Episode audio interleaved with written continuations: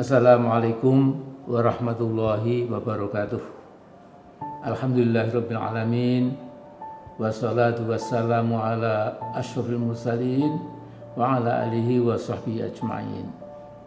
Saudaraku, saya ingin memberikan pendapat saya tentang kejadian yang amat sangat mengejutkan yaitu lenyapnya enam nyawa, enam jiwa dari Laskar FPI di sekitar Tol Cikampek. Saya tidak akan menyatakan mana yang benar mana yang salah, ada dua versi, tapi saya ingin mengingatkan bahwa dalam Al-Quran nyawa manusia atau jiwa manusia itu jauh lebih berharga daripada nyawa misalnya kelinci atau kucing atau kerbau dan lain sebagainya.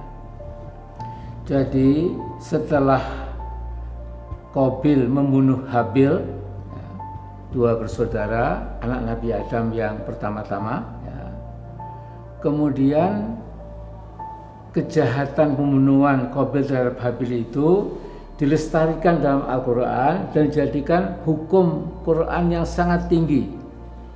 Yaitu bisa kita baca dalam Al-Maidah ayat 24 berbunyi min ajri dzalika katabna ala bani israila man qatala nafsan bighairi nafsin aw fasadin fil ard fa kana ma qatala nasa jami'a wa man ahyaha fa ma ahyan nasa jami'a artinya setelah peristiwa pembunuhan Qabil terhadap Habil itu Allah membuat hukum yang sangat tinggi dalam Al-Quran yaitu barang siapa melenyapkan nyawa manusia yang lain bukan karena dia telah membunuh orang lain atau juga bukan karena dia melakukan kejahatan di muka bumi maka sesungguhnya si pembunuh itu telah membunuh umat manusia seluruhnya. Tetapi sebaliknya, apabila ada seorang yang menyelamatkan satu jiwa manusia, maka hakikatnya dia telah menyelamatkan seluruh umat manusia. Jadi betapa besarnya, betapa mahalnya, betapa tidak ternilainya nyawa anak cucu Adam ini. Ya. Karena itu saudaraku, teman-teman Polri, teman-teman TNI, tolong Anda renungkan ya. Baju seragam Anda yang gagah itu, tank yang Anda naiki, panser yang Anda bawa ke mana-mana, pesawat terbang, helikopter. Kemudian juga peluru, bedil, pistol dan lain-lain, itu semua datang dari rakyat, dari rakyatmu. Ya mereka membayar pajak, mereka menyelenggarakan segala macam kehidupan yang uh, telah mereka lakukan di Indonesia ini dan mereka itu bisa membiayai TNI, Polri dan birokrasi dan lain sebagainya. Jadi saya menangis dalam hati bagaimana mungkin ada enam nyawa jam setengah satu malam ya. Laskar yang sesungguhnya ya katanya ada curit katanya ada senjata api walau alam ya. Kemudian eh, sekarang ini telah terjadi nyawa lenyap itu belum lagi nyawa lenyap yang ada dulu di Aceh kemudian di iri apa di Papua dan lain-lain. Saudaraku ini pertanda bahwa memang rezim ini sudah sangat dolim ya. jadi masih ada waktu ya, untuk bertobat ya. jadi kalau soal berani mati, saya yakin, waduh umat Islam itu banyak sekali yang cita-cita tertingginya itu adalah mati. Ya. Al mautu asma amaniyina. Ya.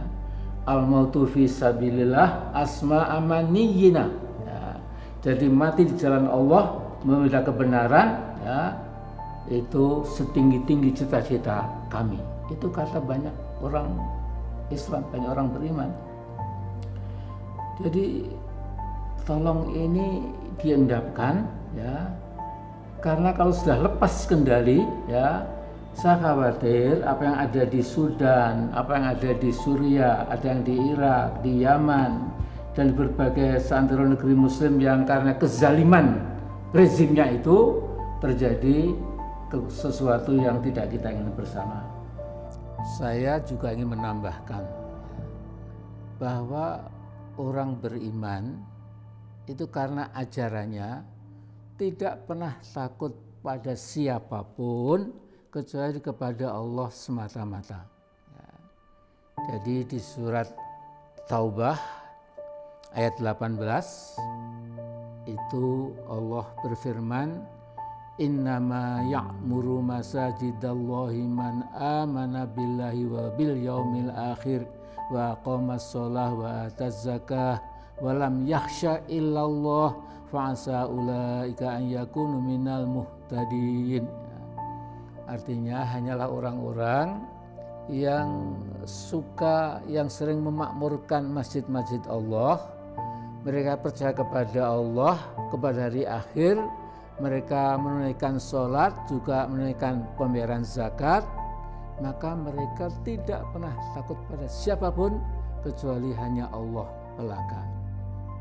Jadi Mas Jokowi ini imbuan saya pada Anda ya tolong ya Anda kendalikan ya karena semua itu bermuara kepada saudara Jokowi. Maaf kalau saya kelihatan agak marah memang saya emosi agak marah marah ikhlas sekali lagi ya demi perbaikan masa depan. Ya, saya melihat ini sudah gawat ini, ya betul ya. Ini betul-betul sudah gawat, bisa lepas kendali. Ya. Jadi saya nggak ingin menambah lagi, ya, tapi secukupnya. Assalamualaikum warahmatullahi wabarakatuh.